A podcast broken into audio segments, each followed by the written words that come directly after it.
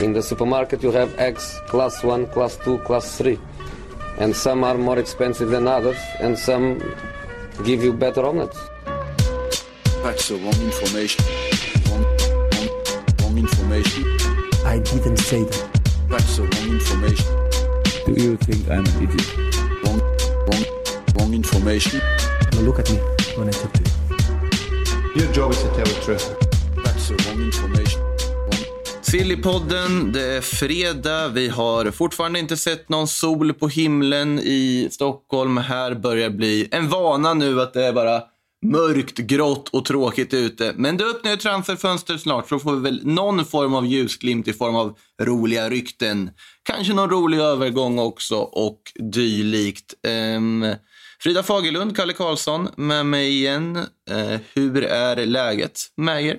Nej, men precis. Det är vi igen. Jag, jag, inte riktigt jag menar Nej, kanske. men jag, jag, kommer, ehm, jag kommer tänka, eller jag insåg det att jag har gjort rätt många podcast den här veckan. Du också, Kalle. Så ehm, ja, jag, vi, vi ber om ursäkt, eller jag ber i alla fall om ursäkt till alla som möjligtvis är trötta på, på min röst. Men eh, ni får stå ut lite till. Hur är vädret då, London? Tänkte jag, har ni också någon sån här total solbrist som vi har här borta?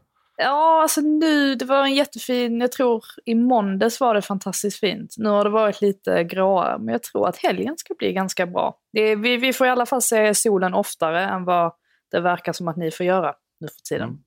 Kalle, läget i Västerås? Ja, det är ju samma solläge här som det är i Stockholm. Det är ju, eh, jag läste någonstans att det har varit noll ti- soltimmar i, i eh, december i Stockholm och vi ligger inte så långt ifrån Stockholm, så det är samma, samma läge här.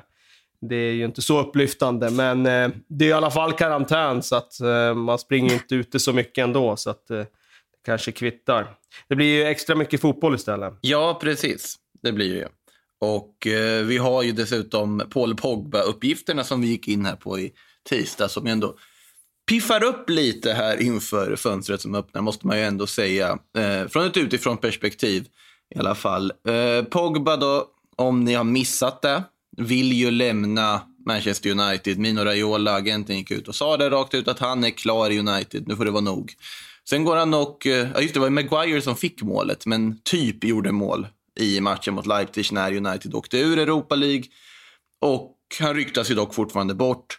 Ole Gunnar Solskär fick ju naturligtvis frågor om Paul Pogba och då svarade ju han att så fort som Pogbas agent inser att eh, det är en lagsport så blir det bättre. Jag vill inte spendera någon energi på det här. Du får fråga Paul om det. Jag kommer inte prata för honom och Paul är fokuserad på att göra det bästa för laget.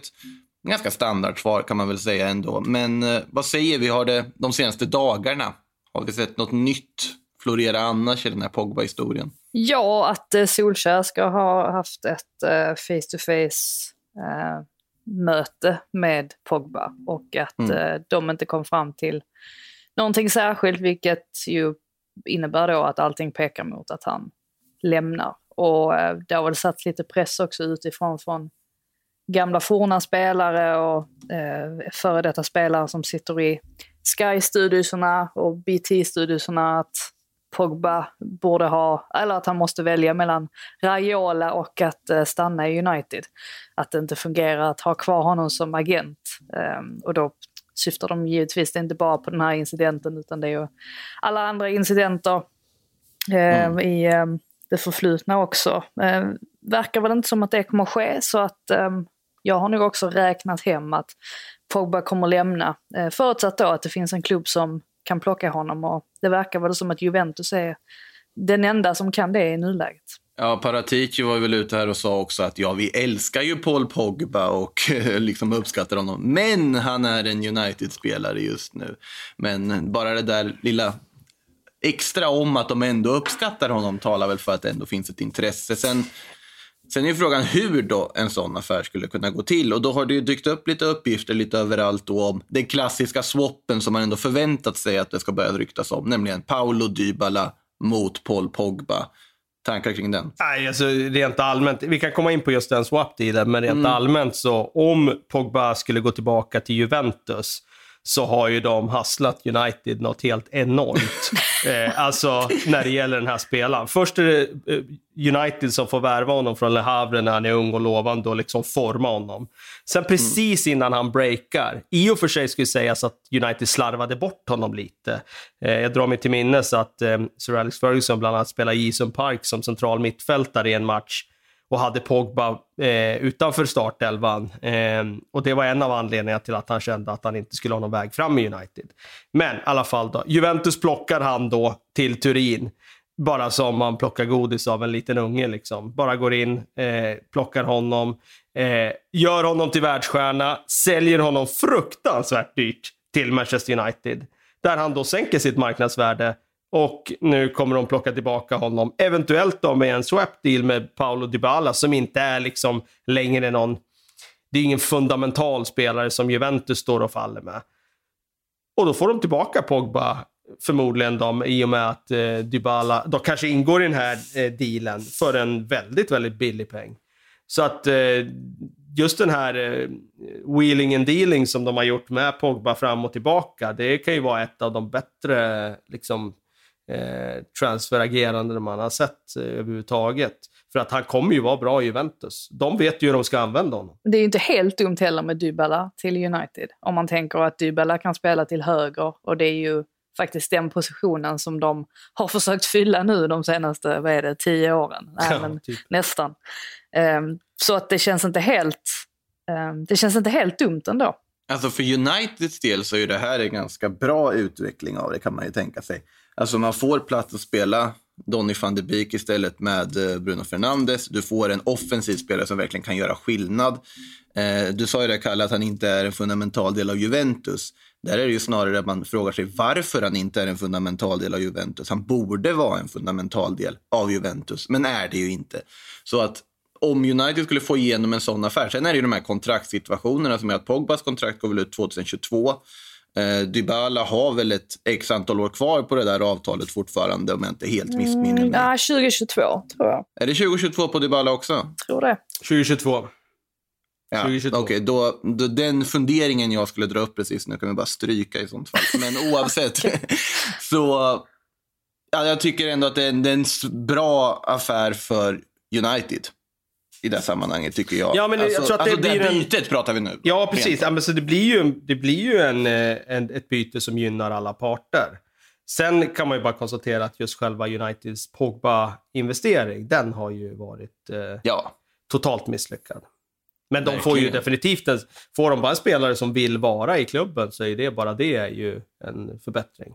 De fick ut en jävligt snygg presentationsvideo av det hela. Det var ju trots allt Paul Pogba som satte standarden för ehm, den eran av presentationsvideosarna. Ja, var det det, eller? Upp. Ja, det var det. Var det det? Tillsammans Okej. med han och Stormzy körde ju sin collaboration där.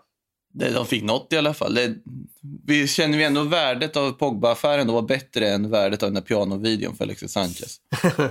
Ja, nej men den, den är fin också. Det är nästan mina favoriter. Den är ju fin. Ja, häftiga. Sen kan man också fråga sig, alltså, det är ju inte helt säkert, det är ju inte samma Paul Pogba som de får tillbaka. För att det är ju inte en Pogba de har liksom förvarat i rätt temperatur och i rätt förutsättningar här i United innan de plockar tillbaka honom billigare. Utan det är ju en Pogba som på något sätt ändå känns som att han blivit något sämre än vad han var när han lämnade Juventus. Så det är ju inte helt säkert vad han kommer att bidra med i Juve nu. Nej, så är det väl. Samtidigt så är det ju, det är ju lite lägre tempo i Italien. Jag tror att han passar lite eh, där han får lite, lite mer tid med, med bollen. Och det är inte det, liksom det här flängandet fram och tillbaka som det är i Premier League.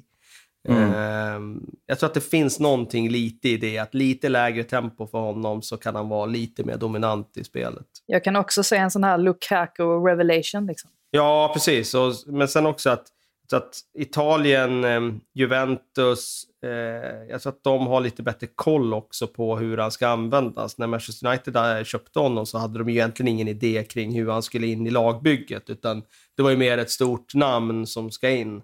Medan Italien är kanske lite skarpare rent eh, taktiskt sådär. Fast det är och Juventus där idag.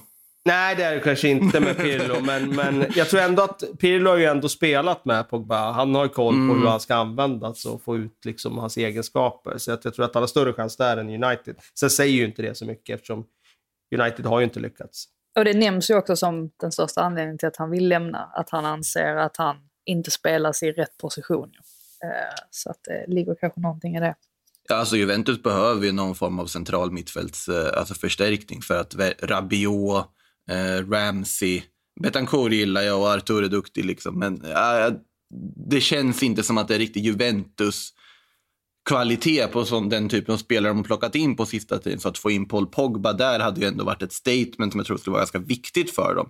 Statement som skulle vara ganska viktigt även för Paratici där som sitter som ändå har ifrågasätts ganska rejält och skulle behöva få någon form av positiv uppsving. Så äh, det ska bli otroligt intressant att följa hur...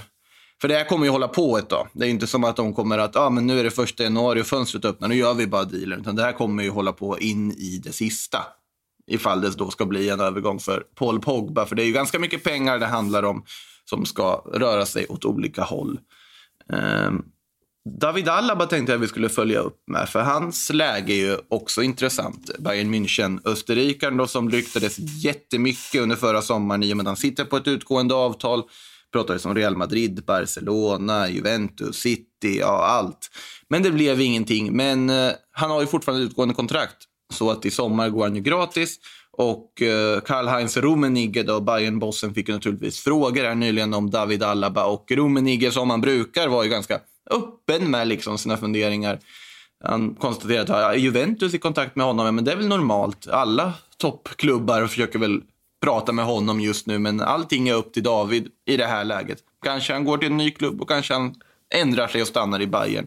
Vad, vad tror vi om David Alabas framtid? Finns det en möjlighet att han stannar i Bayern eller är en flytt redan bestämd i princip? Ja, men känslan är väl just nu att han inte kommer stanna. Ehm, Och, och det, det är väl lite så, börjar bli en tradition för Bayern München att ha någon spelare i laget hela tiden som sitter på ett utgående kontrakt och inte vill, inte vill förlänga. Sen är ju frågan var han hamnar då. Det var ju prat om rätt många Premier League-klubbar i somras ehm, som ville ha honom. Bland annat Manchester City var väl den som nämndes allra mest, men även United och Chelsea. Eh, nu har ju vissa fallit på, jag tror inte Chelsea är särskilt sugna eh, på det längre. Eh, ja, alltså det, eller det är väl klart. Det skulle väl alltid vara bra att ha en spelare som honom, men de har ju trots allt fyllt de positionerna. Men eh, nej, det, det återstår att se helt enkelt var han hamnar. Han var ju väldigt diplomatisk får man ju säga, Rummenigge där, där om han sa att, eh, att han räknar med att alla har kontakt med honom. De får ju egentligen inte ha det först första januari. Men eh, han vet väl att Bayern har spelat det där spelet några gånger tidigare och haft kontakt med spelare långt, långt, långt, långt, långt innan deras kontrakt går ut. Så att det finns väl ingen anledning att han gör någon grej av det där. Men eh, det, det har ju spekulerats här i att Real Madrid har gett sig in i kampen. Och Ja. det känns väl som en rimlig värvning både för dem och eh, säkert för honom också att bara få ett nytt äventyr i, i Spanien och försöka lyfta dem. Det, det borde vara lockande. Nej, det är ju så man ska inte kasta sten i glashus, det vet ju Rummenigge om där. Och det känns ju som att alla klubbar förhandlar bakom ryggen, även om de kanske utåt sett är väldigt ordningsamma och säger men vi pratar inte med någon förrän det är tillåtet. Enligt Marcas uppgifter som du nämnde där om Real så ska ju Real Madrid då vänta på just första januari officiellt för att få börja förhandla. Men det är såklart de har ringt några samtal innan det, det är väl helt uppenbart. Typiskt Marca att basunera ut det. Att eh, Real Madrid, Exakt, de exakt, sköter exakt. sig enligt boken. Ja, de det finns vänt- ett intresse, men de väntar. Precis. Ordning och reda Ja. under Florentino Perez. Nej, men alltså Alaba i det här läget som Real sitter i. I somras så kändes det ju som att Alaba ville ju först till Real Madrid och Barcelona. Det var nästan väldigt tydligt under sommaren. Problemet var att varken Real eller Barcelona då kände som att de skulle kunna ge Alaba den möjligheten som han vill ha. För han vill ju egentligen spela liksom centralmittfältare. Han vill ju uppåt i banan, han vill ju bygga, liksom få en ny utmaning på så sätt. Han vill inte hafsas in som en mittback för att det behövs ibland eller vara någon sorts utility player som han har fått vara i Bayern under väldigt många år och gjort det fantastiskt ska tilläggas. Utan han vill ju vara en större stjärna. Den statusen får han inte i Real Madrid eller Barcelona för där har han gått in som just en utility player, en truppspelare som man kan använda på olika positioner. Eh, men i det här läget när Real inte har några pengar så är det ju inte omöjligt. En sån fri transfer hade lockat ganska mycket för att förstärka det försvaret. För det finns ju ganska stora luckor där. Och vissa har ju tagit det här då som att eh, om Alaba kommer så ryker Ramos. Jag tror egentligen inte att de två sakerna hör ihop riktigt.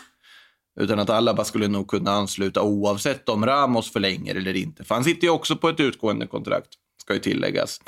Men där är det ju det sedvanliga surret kring huruvida han ska förlänga eller inte när han säger att nej, men jag vill ha mer lön och hej och hå. Det har man gått igenom ganska Det kommer vara rätt mycket rykten kring han innan det där kontraktet är förlängt. Det brukar Det vara kommer så. det vara. Han ska ju till Paris några vänder säkert. Garanterat. Bland annat.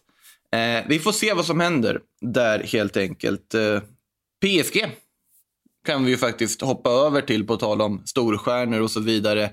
Neymar har varit ute och eh, samtalat med RMC Sport där han konstaterar att jag vill inte lämna PSG och jag trivs jättebra här i det här projektet. Eh, låter ju inte riktigt som det lät förra sommaren kanske. Men sen har ju Barcelona lyckats eh, ja, avdunsta i kvalitet en hel del sen dess. Så att det kanske har lite med det att göra också. Och eh, PSG-ledningen har ju också varit öppna med att säga att de jobbar för att förlänga avtalen med både Neymar och Kylian Mbappé och enligt L'Equipe ska de ändå ha kommit en bit på vägen där. Skulle det förvåna er om Neymar och Mbappé ändå till slut förlänger och stannar i PSG? Alltså med tanke på att Neymar har gjort en liten U-turn så Mm skulle man väl kunna tänka sig att han har blivit lovad någonting. Jag tror inte att han vill stanna i PSG om inte de gör allt i sin makt för att fortsätta vara med på, eh, ja men alltså komma långt i Champions League och så vidare eftersom att det nu är det viktigaste de, de har. Så att det är väl lite det också som har fått mig att tro att Lionel Messi faktiskt kommer att skriva på för PSG. Att eh, Neymar möjligtvis har blivit lovad att eh, vi kommer göra allt i vår makt för att försöka få hit honom, försöka stabilisera vår, eh, vår status i fotbollsvärlden. Så att ehm, jag, är inte, jag är inte förvånad eh, på så sätt och det är väl därför också jag, jag, kan, liksom, jag kan se framför mig att både han och Mbappé kommer att förlänga. Men kan man se alltså, Neymar, Mbappé, Messi i samma anfallslinje? Helt Alltså, gå, sjukt. ja, det, det, ja, men de, om de inte vinner allt så är det ett fiasko. Ja, det de får man nog säga. Det får man nog säga. Men det går väl inte rent ekonomiskt, tänker jag. För att det, det, det är ju liksom... Det räcker med att du har Neymar och Mbappé. Bara det har ju bidragit till att det finns två egon till viss del som konkurrerar om samma stjärnkrona. Kasta in Messi på det också. Då får du ju... Ja, det, får, det blir, känns ju som att det borde bli en helt ohållbar situation för vem det nu är som tränar dem då, om det så är Tuchel eller någon annan. Ja, det är en kittlande konstellation. Det är ingen tvekan om det. Ja, men jag tror inte att saker och ting har förändrats lite också. För jag vet ju om att Neymar ville inte vara andra fiol i Mm. Barcelona. Men jag kanske ångrade han sig lite. Kanske insåg han att han hade det ganska bra i Barcelona. Och jag tror väl att de här spelarna också hellre vinner saker än Mm. att inte göra det. Och han är väl fullt medveten om att Messi, som, det behöver ju nödvändigtvis, nödvändigtvis inte vara så att bara för att Messi kommer till PSG så kommer liksom Neymar falla helt ur eh, alltså hierarkin eller falla ner i hierarkin. Jag tror fortfarande han kommer behålla sin första plats där på något sätt. Och eh, kan de då vinna saker också så eh, då tror jag man lätt kan hålla Neymar nöjd. Men, eh, men vem vet? Nej, det var ju som sagt också Kylian Mbappé man förhandlar med där. En, ännu en stjärna som kommer kosta väldigt mycket pengar. Och på tal om Mbappé kan man väl gå över till Erling Braut Haaland. För båda de är ju spelare som ryktats ganska friskt kring och förväntas vara då, nog två av de absolut främsta anfallarna. Är redan två av de främsta anfallarna i världen, men kommer vara under många år framöver också. Och då har vi lite uppgifter där som dykt upp i Spanien. Vi har sett både från Barcelona och Madrid-håll att eh, Haaland, den här 75 miljoner euro-klausulen som ju det pratades ganska mycket om när han skrev på för Dortmund, att den kan aktiveras redan nu i sommar. För tidigare pratades det om att det var 2022 som var året den skulle aktiveras. Men enligt de här uppgifterna så kan den klausulen ja, användas redan nu i sommar. Och då är ju min fråga, tror vi att Erling Braut Haalands klausul kan aktiveras nu i sommar och tror ni att han kommer vara intresserad av att lämna för en större klubb redan i sommar? Alltså det är en överkomlig summa om man säger så. Ja, det är ju en rimlig summa för Ja, en spelare som Håland. Ja, men exakt. Som ja. spelare som har sett så bra ut. Alltså man skrattar ju lite åt det att Haaland, liksom att han, han, eh, han håller på att säga att, han är, eh, att det är viktigt att eh, ta hand om de yngre spelarna. Alltså man skrattar ju lite när han säger den typen av saker för att man kan ju inte fatta att han, han, är ju, han är ju så ung men ändå har han på något sätt blivit en av de mer meriterade spelarna i Dortmund, vil- vilket säger ganska mycket om Dortmund eh, överlag. Men han har ju på väldigt kort tid bevisat att han verkligen håller på den här nivån. Så jag tror inte alls det är omöjligt att någon kliver in i sommar och, och köper honom. Det är ju frågan då vilka klubbar har, har råd med det. Man vet ju att Solskjaer har varit sugen på honom väldigt länge. Så kanske, kanske att det... Men han har väl Mino, va? Ja, så att du kan ju Det räkna kan med du, du skulle lägga till 25 miljoner euro i agentavgifter på det där. Oj, ja men Så det gud, miljard. allting, för, allting förändras. Eh, med det, nej, det är frågan om de vill göra fler affärer med honom. Nej, nej då Ja, kanske jag det, tar ju- tillbaka, reviderar mitt... Uh, uh, säger jag Real Madrid istället. Ja, det har ju pratats jättemycket om just Real Madrid och att Haaland ska vara väldigt intresserad av att gå dit, göra sällskap med Martin Ödegård och bygga någon sorts norsk koloni där borta. Eh, och Real Madrid ska ju vara intresserade själva också. Och så är ju frågan med lite försäljningar och sånt, att eh, skramla ihop 75 miljoner euro för Real efter man inte värvar någonting förra sommaren. Det, det borde ju inte vara omöjligt. Och det är ju en investering också, får man ju se det som. Det är det ju. Man delar ju upp det på rätt många år och så vidare, rent bokföringsmässigt och så. Men det är ju bara frågan med, med det minus som löneförhandlar också. Så att det kommer kosta där också. Ja, och det är inte ofta egentligen Real Madrid har dealat med Mino. Nej, De har Eller väl det- hållit han utanför.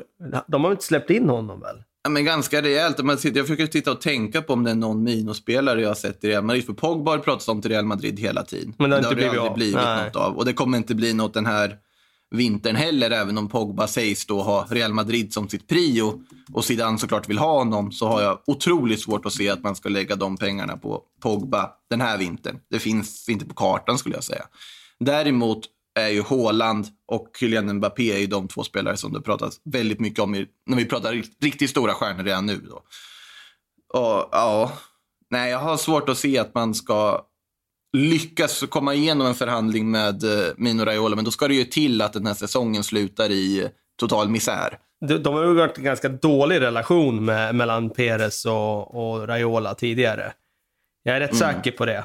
Ja, det är ju ingen som tyder på att det har varit en bra relation. Jag tror att det började med att de ville ta Pogba från Juventus redan där 2015, 2016 Mm. någonstans. Och att de clashade lite då. Och Perez sitter ju i som bra eh, alltså maktposition, så han, han, han, han kan ju verkligen bara rata Minos klienter då. För att han sitter högst upp i hierarkin i Real Madrid. Liksom. Det är inte alla klubbar som kan göra det. Många andra klubbar blir ju liksom som att de faller i fällan ändå. Att men vi måste ha en spelare, så då, då går vi Mm. den vägen ändå. Men jag tror att de har varit jäkligt framgångsrika med att hålla Mino utanför. Sen är frågan om ändå en 75 miljoner euro-klausul för en spelare som Erling Braut Haaland i det här läget där Real Madrid ändå behöver offensiv ung förstärkning inte ändå hade kunnat få Raiola att kanske ändå dyka upp där på Valdebebas eller någonting någon dag för att förhandla. Vem vet? Ska titta vidare till, eller åka vidare till Barcelona tänkte jag, för de behöver ju också värva. Du, får jag bara skjuta in? Får jag bara skjuta in? De har haft en Ja. Mino-klient. Areola på lån eh, är Mino. Ah, vad är, det, är det Mino som Mm. har Ariola? Mm. Ja, det visste jag. Det, jag blev också förvånad när jag såg det faktiskt. Den är ju intressant. Kanske de ändå... Det kanske var så första, första steg då till en eventuell Haaland-affär senare. Men vi tar Ariola på lån om du kan hjälpa oss med Haaland senare. Vem vet, det kan ju funnits något sånt där. Eh, Ariola, var det sista jag trodde. Eh, Barcelona i alla fall. De eh, har ju ännu mindre pengar. De har rättare sagt minus på kontot och de har ett presidentval som väntar och det är allmänt rörigt i klubben och de förlorade även mot Juventus med 3-0 och lyckades på något sjukt sätt inte komma etta i sin Champions League-grupp. Vilket ju var ett misslyckande för dem efter fem raka segrar i den gruppen. Eh, men de vill ju värva. Det pratas ju lite om samma namn som det pratades om i somras. Om man bortser från Martin Deron som vi nämnde förra veckan. Eller i tisdags menar jag rättare sagt. Eh, Memphis Depay med utgående avtal som fortfarande ska vara av intresse och samtidigt Eric Garcia i Manchester City. Både Sport och Mundo Deportivo hade Eric Garcia på sina ettor idag med konstaterandet att vi måste få in honom nu i princip. Han måste in den här vintern på något sätt för att de behöver mittbackar. För Piqué är långtidsskadad, Umtiti är i frysboxen, eller rättare sagt han är, ett, han är en frysbox idag. Så pass kall är han. Fast han fick spela lite nu nyligen, förvånansvärt nog. Och så har du bara Longley och ett gäng junisar. Så Garcia måste in, säger de i alla fall. Vad säger vi? Hur går snacket i England, Frida, med Garcia? Han har inte fått riktigt så mycket förtroende som förra säsongen. Kanske på grund av att Ruben Diaz kommit in och gjort det så pass bra också. Ja, nej, men så är det. Och när han väl har fått chansen så är det just för att de har saknat vissa mittbackar. Mm. Eh, nej, jag tror att alla räknar med att han kommer lämna. Det verkade som att han var ganska klar, klar över det i oktober och sa väl till Manchester City att han antingen vill lämna redan i januari alternativt när hans kontrakt löper ut. Så att det är nog bara en tidsfråga innan det sker. Eh, Mm. Så att den kan, vi, den kan vi nog redan räkna hem faktiskt. Kan vi räkna hem den till Barcelona då? Ja, det tror jag. Det hade väl varit ett misslyckande för Barcelona om han inte hade valt att komma hem till Barcelona. Med tanke på hur svårt de har haft att producera spelare från La Masia. Och att eh, det här är ju en, en bra möjlighet för dem att liksom få tillbaka en av de en, egenfostrade. Ja. Eh, det, jag brukar inte oftast, jag brukar bara ignorera rykten från The Sun när jag sätter ihop eh, körscheman här. Men det, har, ju- det var ju ändå lite roligt att de släppte in Arsenal i den här debatten. Om, Ja, om Eric Garcia. Och det var så o, ologiskt. Ja, men ja, på ett sätt. Och alltså främst är det väl ologiskt för att det kanske inte är där Arsenal behöver lägga pengarna först och främst just nu. Och Det är det verkligen inte. Nej, och särskilt inte efter nu eh, fick ju Pablo Mari spela här igen häromdagen och eh, gjorde det riktigt bra. Så jag förväntar mig nästan att han snart kommer sy- möjligtvis synas också i, i Premier League. Så att just nu känns det väl som att de har det på, ja, på det klara Mm. relativt väl på just de positionerna och att det är andra ställen de möjligtvis borde fokusera på. Men man vet aldrig med. Nej, men så den aspekten är en sak, men det andra är ju att varför skulle Eric Garcia vägra förlänga med City för att sen skriva på för Arsenal? Alltså i det här läget. Med tanke på att det är jättemycket konkurrens på mittbackspositionen även där. Så det, det, det blir nog svårt för Arteta om man vill få igenom en sån affär och så oklart om varför han skulle vilja få igenom en sak. sån affär. Men däremot Dominic Soboslaj, det känns ju mycket mer rimligt, eller? Ja, definitivt. Alltså, dels utifrån deras behov, dels utifrån eh, hans nivå, dels utifrån att prislappen är ju inte heller alltså, så hög. Jag trodde att den skulle vara betydligt högre utifrån vad han har presterat. Jag, jag måste säga att jag är lite förvånad över det. Men det är väl en klausul där som ligger? Ja, det är, en klaus- det är en klausul som kan bli triggad i januari. Okej. Yes. Ja, just det. Eh, Ja, det förklarar ju varför prislappen är så låg. Det är bara att hugga där, säger jag. Det är ju en risk värd att ta. Eh, blir det inte bra så har man inte lagt allt för mycket pengar och andrahandsvärdet kan ju inte vara lägre än det där i alla fall. Jag tycker han ser jättespännande ut. Jättefint tillslag, både på fasta och i spel och så vidare. Har gjort några riktigt fina distansmål som har snurrat runt. Eh, så att jag, ehm, jag säger kör. Och det är ju ändå, alltså, man kan ändå använda honom på lite olika positioner också. Alltså central mittfältare, lite mer attacking midfield till vänster. Han har många strängar på sin lyra. Har, du- har du hört något mer Frida i brittisk press än vi surrade här senast om Soboslaj om det närmat? Det är ju an- andra klubbar som är intresserade. Nej, alltså inte mer än, alltså sen vi pratade senast det här med att eh, man var tvungen att lämna in en notis fram till Mm. tisdag, är det väl den löper ut, den deadlinen.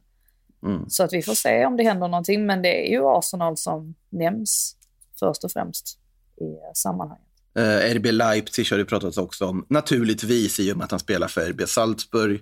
Uh, Real Madrid nämnde vi ju i tisdags som sagt också och så är det väl Bayern München som dykt upp där också bland annat. Det är lite alla möjliga klubbar som då kopplats till den här ungerska talangen som, ja allt tyder ju på att han går någonstans. I januari i alla fall. Sen är ju frågan vart han hamnar. Var hamnar Mesut Özil då?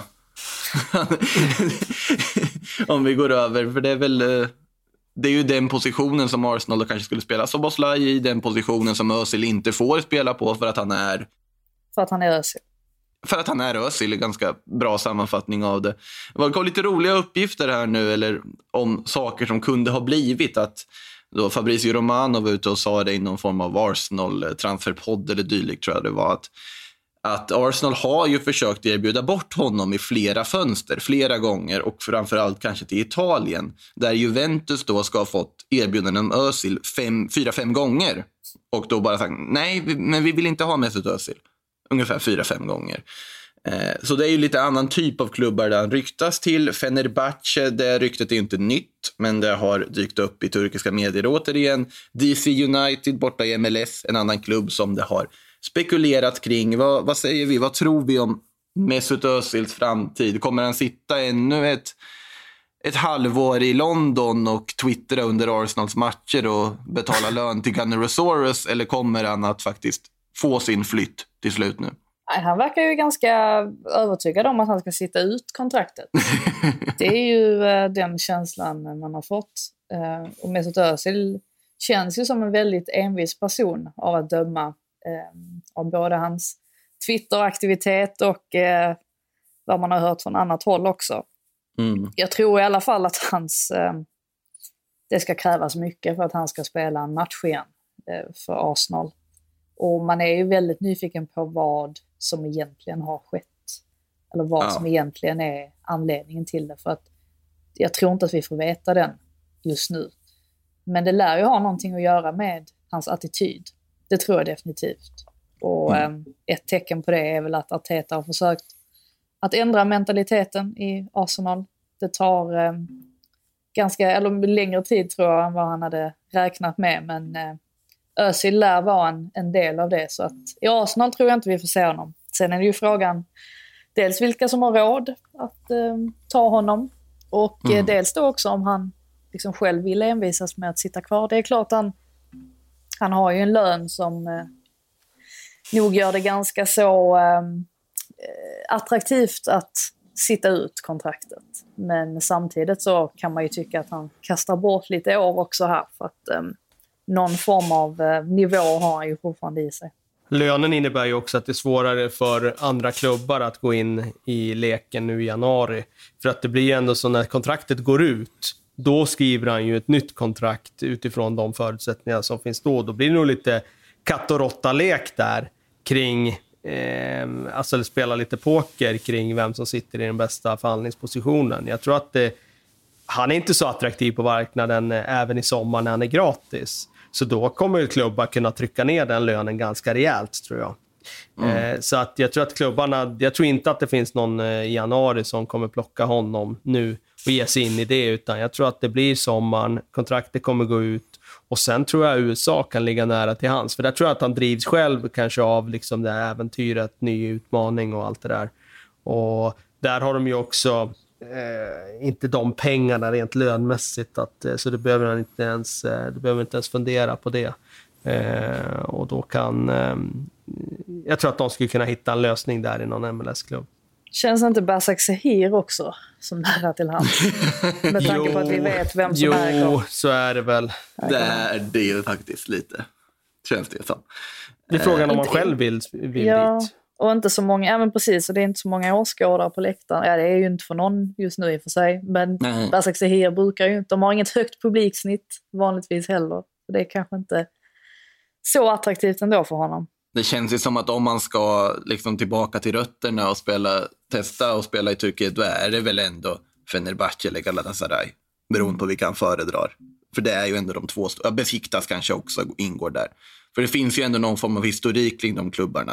Det finns en tradition kring de klubbarna och det kan ju kännas så att om man ändå ska dit så kanske det är i någon av de klubbarna med den supportertrycket och det intresset som finns kring de klubbarna som han ändå vill spela. Eh, Så jag tror, jag tror inte man ska utesluta någon av klubbarna där borta utan att veta vilken av de klubbarna Özil sympatiserar med. För att om han gillar Galla eller Fenner så kommer han ju inte gå till den andra klubben. Liksom. Eh, kan man ju tänka sig. Eh, finns ju en annan eh, tysk i frysbox i Premier League, nämligen Rüdiger. Eh, han eh, har ju helt hamnat neråt i hackordningen i Chelsea, mycket tack vare att Thiago Silva har kommit in och varit så stabil som han varit och att Kurt Zouma har lyft som han har gjort bredvid Thiago Silva. Ja, men, han- men han dök upp igen. Alltså han, var Han väldigt, han var väldigt långt ner i frysboxen och sen helt plötsligt så var han upp igen och nosade på eh, tredje, vad säger man, tredje platsen efter eh, Silva och eh, Kurt Zuma. Så att han har ändå tagit sig upp lite. Kanske borde skriva prata om Christensen istället. Då. Han ska väl Ja, också faktiskt. Eller Tomori för den delen. Äh, Men det är i alla fall Rydiger det har eh, skrivits kring här i diverse press. Eh, Roman, Milan, Barcelona har nämnts som potentiella destinationer i någon brittisk tidning här bland annat. Eh, Barcelona har ju pratat ganska mycket om i och med att de behöver ha in mittbackar som sagt, att de skulle kunna vara intresserade av att plocka in honom. Eh, Roma och Milan såklart han ska ryktas i Serie A. Juventus har ju dykt upp på ett hörn också. Vad tänker vi om Rydiger? Nu när han ändå börjar nosa på tredjeplatsen då i Chelsea, ska han kanske stanna där och slåss för att nosa ännu högre eller är det dags att flytta? Alltså jag tror att han står väldigt högt i kurs i Chelsea överlag, särskilt från ledningens sida. Ehm, Att de gärna vill se att han är kvar. Sen blir det ju förstås svårt när Thiago Silva och um, Kurt Zuma har gjort det så bra som de har gjort, att eh, slå sig in där. Men vi vet också att det är väldigt många matcher som ska spelas. En skada på Silva och så helt plötsligt så är det en plats öppen. Och Andreas Christensen har inte övertygat riktigt. Eh, Tomori, som vi pratade jättemycket om förra säsongen, har knappt fått speltid. Så att där förväntar han var ju väldigt nära att lånas ut. Precis innan transferfönstret stängde, West Ham var det väl det pratades om då, men han tackade nej i sista stund. Man antar väl att det kommer komma på tal om en annan utlåning nu redan i januari för att Annars får han sitta väldigt mycket på bänken. Så att jag är lite osäker när det kommer till Rydiger. Och jag, jag tror att Lampard ändå, ändå uppskattar Rydiger. Och som sagt vet om att det kan gå snabbt också. Och de gångerna nu som han har fått chansen på sistone har han ändå gjort det väldigt bra. Så att... Ja, sen kan ju man ju förstå också i Rydigers fall. Ska man behålla sin plats i Tysklands startelva till exempel. Då Precis. måste man se till att få mer speltid. Så att det är ju många parametrar som väger in. Men är han själv nöjd, då tror jag inte att han kommer försvinna i alla fall. Så mycket kan man ju säga. Det är ju ändå så pass mycket matcher att det blir ju en del speltid ändå. Jag sitter och kollar på hans matcher han har gjort nu. Nu var det ju landslagsuppehåll som vi vet i, i november där. Så det innebär ju att det inte spelades någon ligafotboll då. Men om vi tar från starten av november har han ändå spelat 90 minuter här mot Rennes, han har spelat mot Newcastle, han har spelat mot Sevilla, han har spelat mot Krasnodar. Det är ändå fyra matcher. Och då var det ändå landslagsuppehåll emellan. Så att fyra matcher på dryga månaden, det är ju inte lite speltid. Och har gjort det bra också. Har gjort det bra.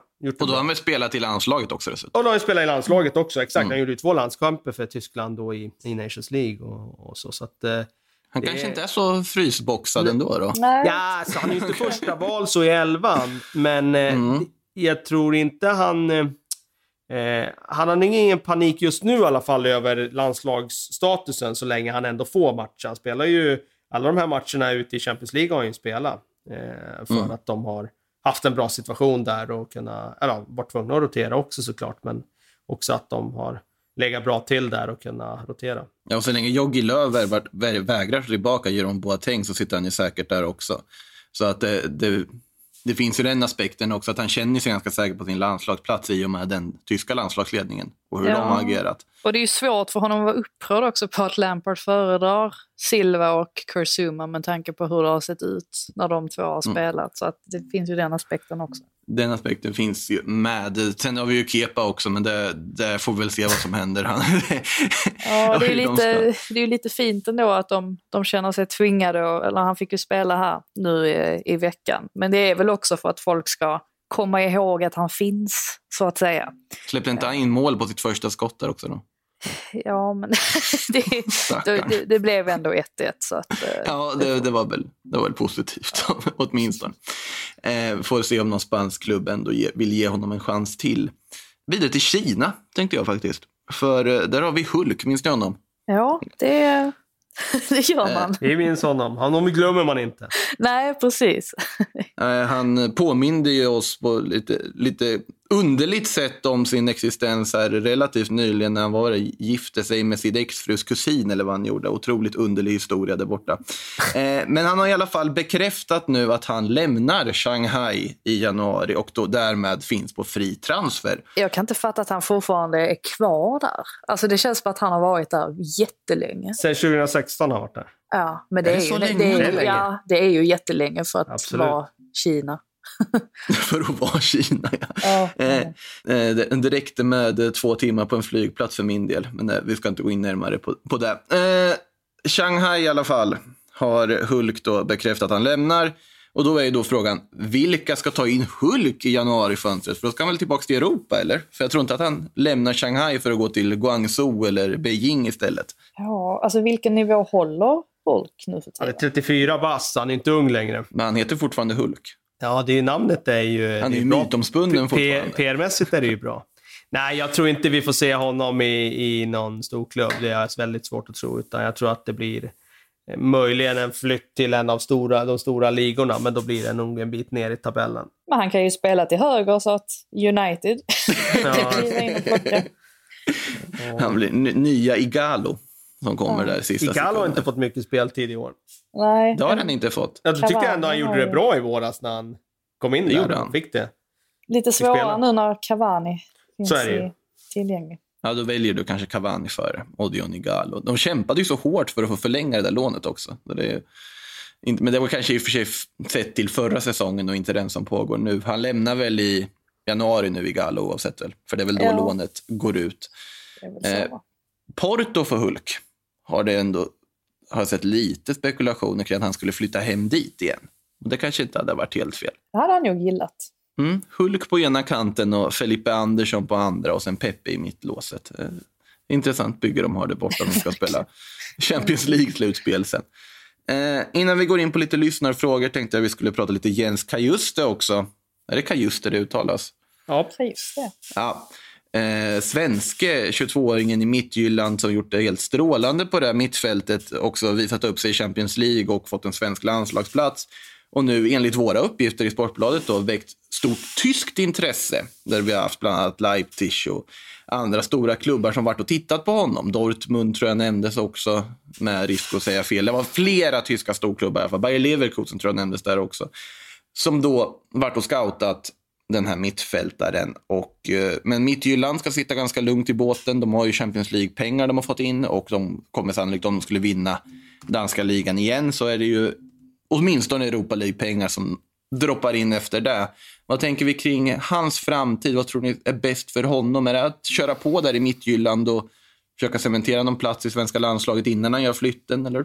Ja, alltså möjligheten finns ju. Låt säga att han gör en väldigt bra vår. Då är det Mm. inte helt omöjligt att han kan ta en plats i en EM-trupp. Jag, jag tänker högt just nu. Mm. Ja, men jag tänker Så att han är ju där och nosar.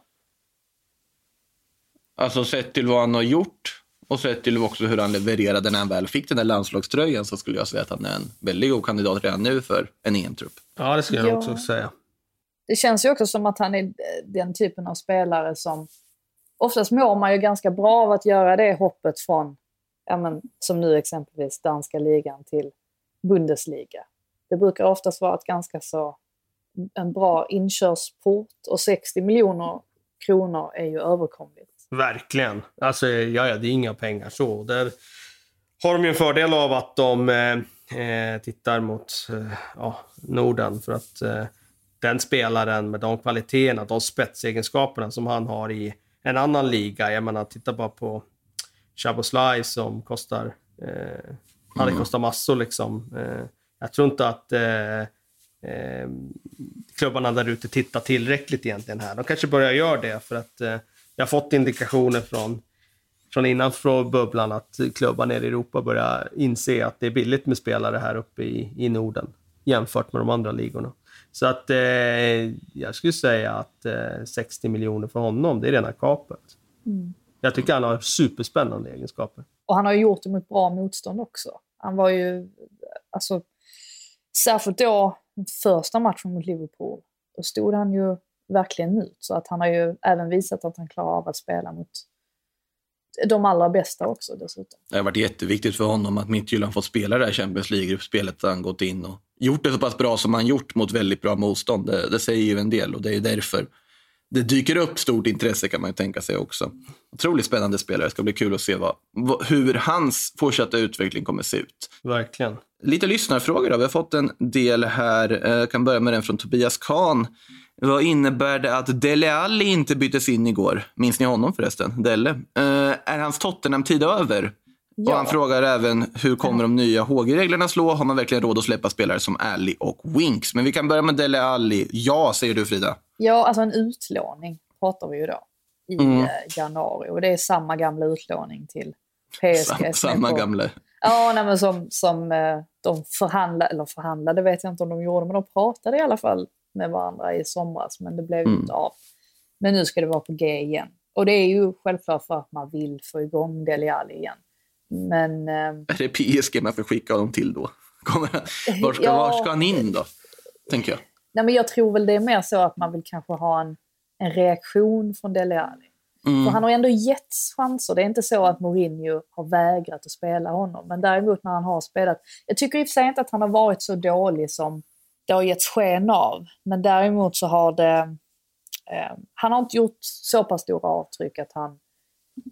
Att folk kräver att han ska vara med i, i Tottenhams eh, Premier League-startelva om man säger så. Det har, det har liksom inte varit på den nivån. Men han står ju väldigt högt i kurs hos, eh, särskilt hos Livi, eh, som gärna vill ha honom kvar och vill ju att han ska bli den här Dele Alli, alltså äntligen få den här utvecklingen som man har suttit och väntat på nu, x antal Mm. säsonger. Så att det är kanske det bästa för båda, om det inte blir PSG så att det i alla fall blir någon annan klubb där han får, ja, där han får alltså, utvecklas i, i lugn och ro, bortan från det här eh, strålkastarljuset. Jag tror i alla fall inte att någon hyser agg mot Mourinho och menar att Mourinho, ehm, ja, att det är hans fel att Dele Alli inte tar steg. För att det har man ju sett nu till exempel med en Dombele som var, han såg ut att vara på väg bort från Tottenham och sen helt Mm. plötsligt så är han en av Tottenhams viktigaste spelare. Så det visar ju också att Mourinho är ingen omöjlig tränare på det sättet, men Dele Alli måste också visa någonting i gengäld för att han ska få starta. Nej, men så Mourinho, om det är något han inte är så är det ju att eh, hålla kvar liksom, personligt agg mot en spelare och bara baserat på det peta den. Om den spelaren liksom motbevisar honom, så kom, som du säger, så kommer han ju få sina chanser. Så det känns som en fair på så sätt i alla fall. Så att, men ja, en miljöombyte för Dele Alli hade väl inte varit helt dumt. Pratades ju man lite kort där om Real Madrid i somras och han får väl hoppas på att Pochettino skulle dyka upp i Real för det kom ju uppgifter då på att Pochettinos tre han ville värva om man får ta över Real Madrid där. Dele Alli, Harry Kane och Dybala. Eh, lite intressant. Men får se hur det går där. Ska vidare här då. Marcus Andersson ber oss att snacka Bayern. Det ryktas om Frenkie de Jong. Men 70 miljoner, är han verkligen värt när han endast kommer vara första reserv till Kimmich och Goretzka? Eh, jag tror nog inte att Frenkie de Jong kommer vara någon första reserv om Bayern München betalar dem ofantligt mycket pengar, mer än 70 miljoner euro, som skulle krävas för att värva honom från Barcelona. Då tror jag snarare man flyttar tillbaka Kimmich och får spela högerback igen. För att eh, jag ser, det dök ju upp den uppgiften nu om att Bayern München ska vara intresserade, men jag ser det ju inte hända. För det är ju en av de untouchables i Barcelona och då ska de verkligen vara desperata att behöva sälja av någon av deras viktigaste spelare också. För att det ska bli aktuellt. Eller vad säger ni? Men är det, är det ens aktuellt för Barca att släppa eller? Nej, alltså inte vad jag vet. Det kan ju möjligen om det är pengarna de behöver. Ja, menar, det- det... var ju han som de skulle bygga nya mittfältet kring och så vidare. Det känns konstigt att plocka in honom och sen nu när de står inför den där generationsväxlingen att de skulle släppa honom nu. Det finns ju inte massor av den typen av spelare på marknaden heller. Nej, precis. Och de la ju ändå en ganska betydlig andel pengar på Ja, honom. verkligen. Eh, det ska ju vara att de är i så pass ekonomiskt djup kris att de måste sälja spelare som faktiskt ger någon form av avkastning. Men där, ja, de är ju typ där, men jag tror inte att de kommer att liksom nedmontera den sportsliga verks- verksamheten till den nivån. För då kommer de ju gå back på andra sätt och vis. Så att, nej, Frenkie de Jong till Bayern känns som ett väldigt luftigt rykte fortfarande, men man kan ju bli motbevisad också. Fredrik Lemmon frågar, diskutera gärna Marotta versus Paratici. Aktuellt och det tas en del om Dybala och Pogba. Eh, mentor Marotta var kung på free agents, billiga toppvärvningar men kunde inte riktigt locka dyra stjärnor. Paratici stod för CR7 och Delicht, men dyrt och kan inte sälja. Ja, alltså det är väl ganska tydligt att se vilka typer av free agents som Juventus har plockat sen Paratici klev in. Att det är spelare som Rabiot och Ramsey snarare än att det är Matuidi och Kedira i sin Och. Pirlo. Och Pirlo en gång i tiden också. Eh, så att där har ju Paratici lite att jobba på och jag vidhåller, jag tycker att Juventus har kommit otroligt lätt undan med hur de agerade under den här sommaren. Mycket sett till att det fanns andra klubbar som krisade. Oavsett att det var corona så tycker jag att den nedmontering Juventus sysslade med av truppen, hur den truppen ser ut sett till den status de har, tycker jag, nej, det, det är inte tillräckligt bra. Alltså Juventus ska ju vara en klubb som det ska vara en ära att spela för. Det ska vara svårt att komma till Juventus. Det känns inte som att det är svårt för en fotbollsspelare att komma till Juventus idag. Med all respekt till Dejan Kulusevski säger detta nu, för det är ju också ett läge där Juventus faktiskt använder pengar och värvar honom, ska tilläggas. Men nej, det, Paratici har lite att fundera på det borta, så han får väl förhandla lite med Paul Pogba. Får vi se hur det går. Eh, tillbaka till Barcelona. Christian Strandberg frågar hur löst sitter Koman? Ifall en eventuell Xavi kommer till tränarposten, stannar Messi eller måste de släppa honom för det ekonomiska? Känns som att Koman har sänkt Messi totalt. Han har ju sänkt det mesta, har han inte det? Ja, han var ju inne och vevade mot eh, Juventusbänken och grejer nu senast. Det var jätteintressant att se. Men hänger inte det lite på vem som blir president eller? Jo, det gör det. Alltså, det finns ju så många olika kandidater också. De, de är väl fem, sex stycken. Vet, det var ju en av de här nu, Jordi Farre, som gick ut och sa att om jag blir president så kommer Messi förlänga. De väntade bara på att någon skulle dra det här kortet. Just det. Men såklart Messi blir klar, kvar, ifall jag blir president. Han utlovade även gratis pizza och tatueringar till alla som röstar på honom. Otroligt oklart eh, vad, vad för typ av tatueringar han utlovade. Men det utlovade han. Pizza, tatueringar och för, förnyat kontrakt på Lionel Messi var, var liksom vallöftet från en av kandidaterna. Eh, blir jättespännande att följa det här valet, hur det går. Ser Christian Punders svarar ju på den här frågan också. Vi svarar aldrig kan- riktigt där på Koman. Jag är lite nyfiken på vad du tror kring Koman. Hur länge får han stanna säsongen ut? Om det ser ut som det gör nu, nej. Men samtidigt tror jag inte att uh, Tusket som sitter som uh, interimpresident har mandatet att sparka Koman. Men det där valet kommer ju snart. Skrev han bara ettårskontrakt eller? Eh, det borde jag ju veta direkt i huvudet. Eh, det tror jag inte att det bara var ett ettårskontrakt. Nej, 2022. 2022. Ja, jag tänkte väl att Koman inte skulle gå med på ett ettårskontrakt till att börja med. Det hade inte varit någon så här ge förtroende-drag direkt. Nej, han sitter ju redan i en sits där han inte har så mycket förtroende. Och den, flesta, den enda som vill ha kvar Koman är väl eh, Tony Freicia, eller vad han heter, presidentkandidaten. Men det, han, det är ju Bartomeu med långt hår. Alltså, han ser ut som Bartomeu med långt hår. Han agerar som Bartomeu. Han klagade på Messi och sa att Messi svek klubben när han ville lämna nyligen också. Så att om de får honom så kommer vi få samma gamla visa igen i Barcelona. Men han vill ha kvar Koman i alla fall. Eh, och jag tror att eh, en av de mest populära kandidaterna som diskuteras mycket i Barca-kretsar, Viktor Font, han säger vi kommer nog ge Koman resten av året. Men sen är det ju Xavi som kommer. Och det är ju, Ja, ja. Ja, ja. Det är ju Fonts liksom, keycard. Ja, ja, absolut. För övrigt, Tony Nadal, tenniscoachen, har också värvat över till Viktor Fonts entourage där inför valet. Lite oklart om vad det ska ge för effekt, men han är populär i, i Barcelona i alla fall. Så att, kan jag ha med det att göra. Eh, otroligt spännande det här med presidentvalen i de spanska storklubbarna, för det är, verkligen, det är ju verkligen ett politiskt val, liksom, rakt av, som, där de har kampanjer och alltihopa. Och det är en, en del av den spanska fotbollen som aldrig får bli förlorad, känner jag det här med att de fortfarande ändå är ideella föreningar på pappret som är medlemsägda. Eh, finns något väldigt fint i det. Ska vi ta en sista fråga innan vi stänger butiken? Eh, Frida, du får svara på det. José Jiménez till Chelsea, frågar Sebastian. Vad tror du om det? Jag vet inte vad jag tror om det. Det hade väl varit bra, eller?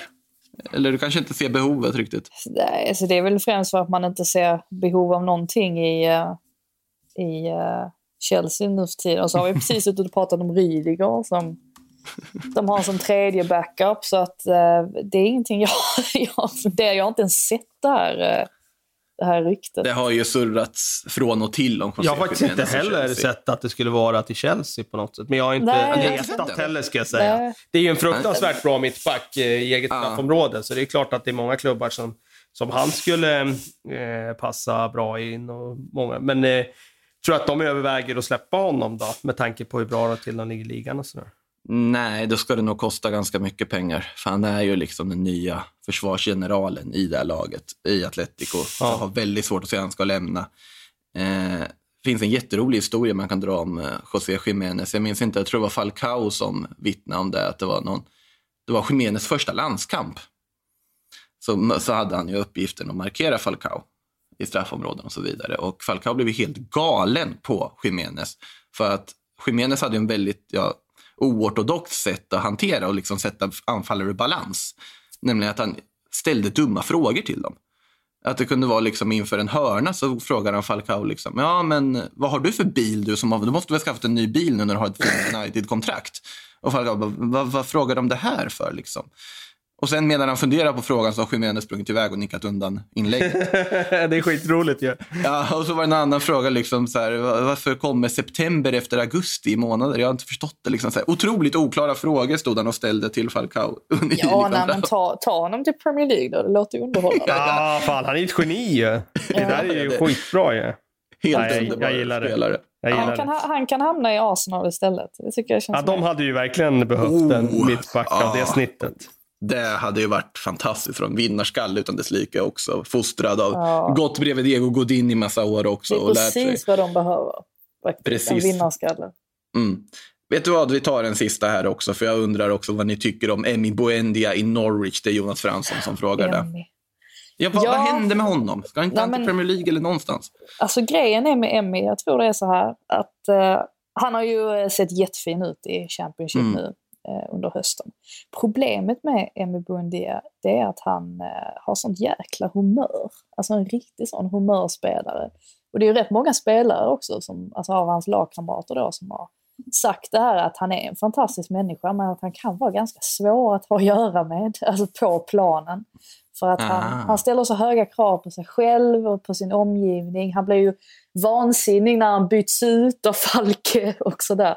Ehm, så att Är det Cantwell som avslöjar det här för dig? det, det är inte... Nej, jag vet inte var jag har hört det. Nej, du ska inte röja några källor. Du ska inte röja några källor, men... Det är, en få- det är en fågel som...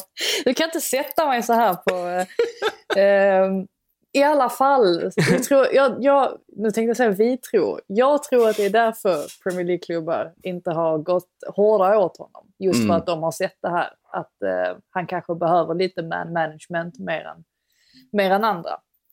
Men eh, han har ju definitivt kvaliteter som spelare för att, eh, för att spela i Premier League. Det såg vi ju inte minst förra säsongen. Han var ju uppe på Mm. samma siffror som ja, men Kevin De Bruyne och så vidare. Så att, eh, men det förklarar ju också lite kring det här, för vi vet vi diskuterade det förra säsongen, varför Farke varför han ibland inte spelade honom och bytte ut honom. Man, man kunde inte se en förklaring till det, men det, det ska tydligen vara det här att humöret inte alltid är helt hundra. Får jag se om Emmy Buendia lyckas tygla sitt humör eller om vi hittar någon klubb som tyglar hans humör helt enkelt i framöver här. Eh, med det sagt, så med önskningar om lite mer soltimmar så tackar jag eh, dig Frida, dig Kalle för att ni tog er tid idag. Jag tackar er lyssnare för att ni tog er tid att lyssna och vi ses igen nästa vecka. Ha det gott. Hej då. In the supermarket, you have eggs class 1, class 2, class 3. And some are more expensive than others, and some give you better omelets. That's the wrong information. Wrong, wrong, wrong information. I didn't say that. That's the wrong information. Do you think I'm an idiot? Wrong, wrong, wrong information. Now look at me when I talk to you. Your job is to tell the truth. That's the wrong information.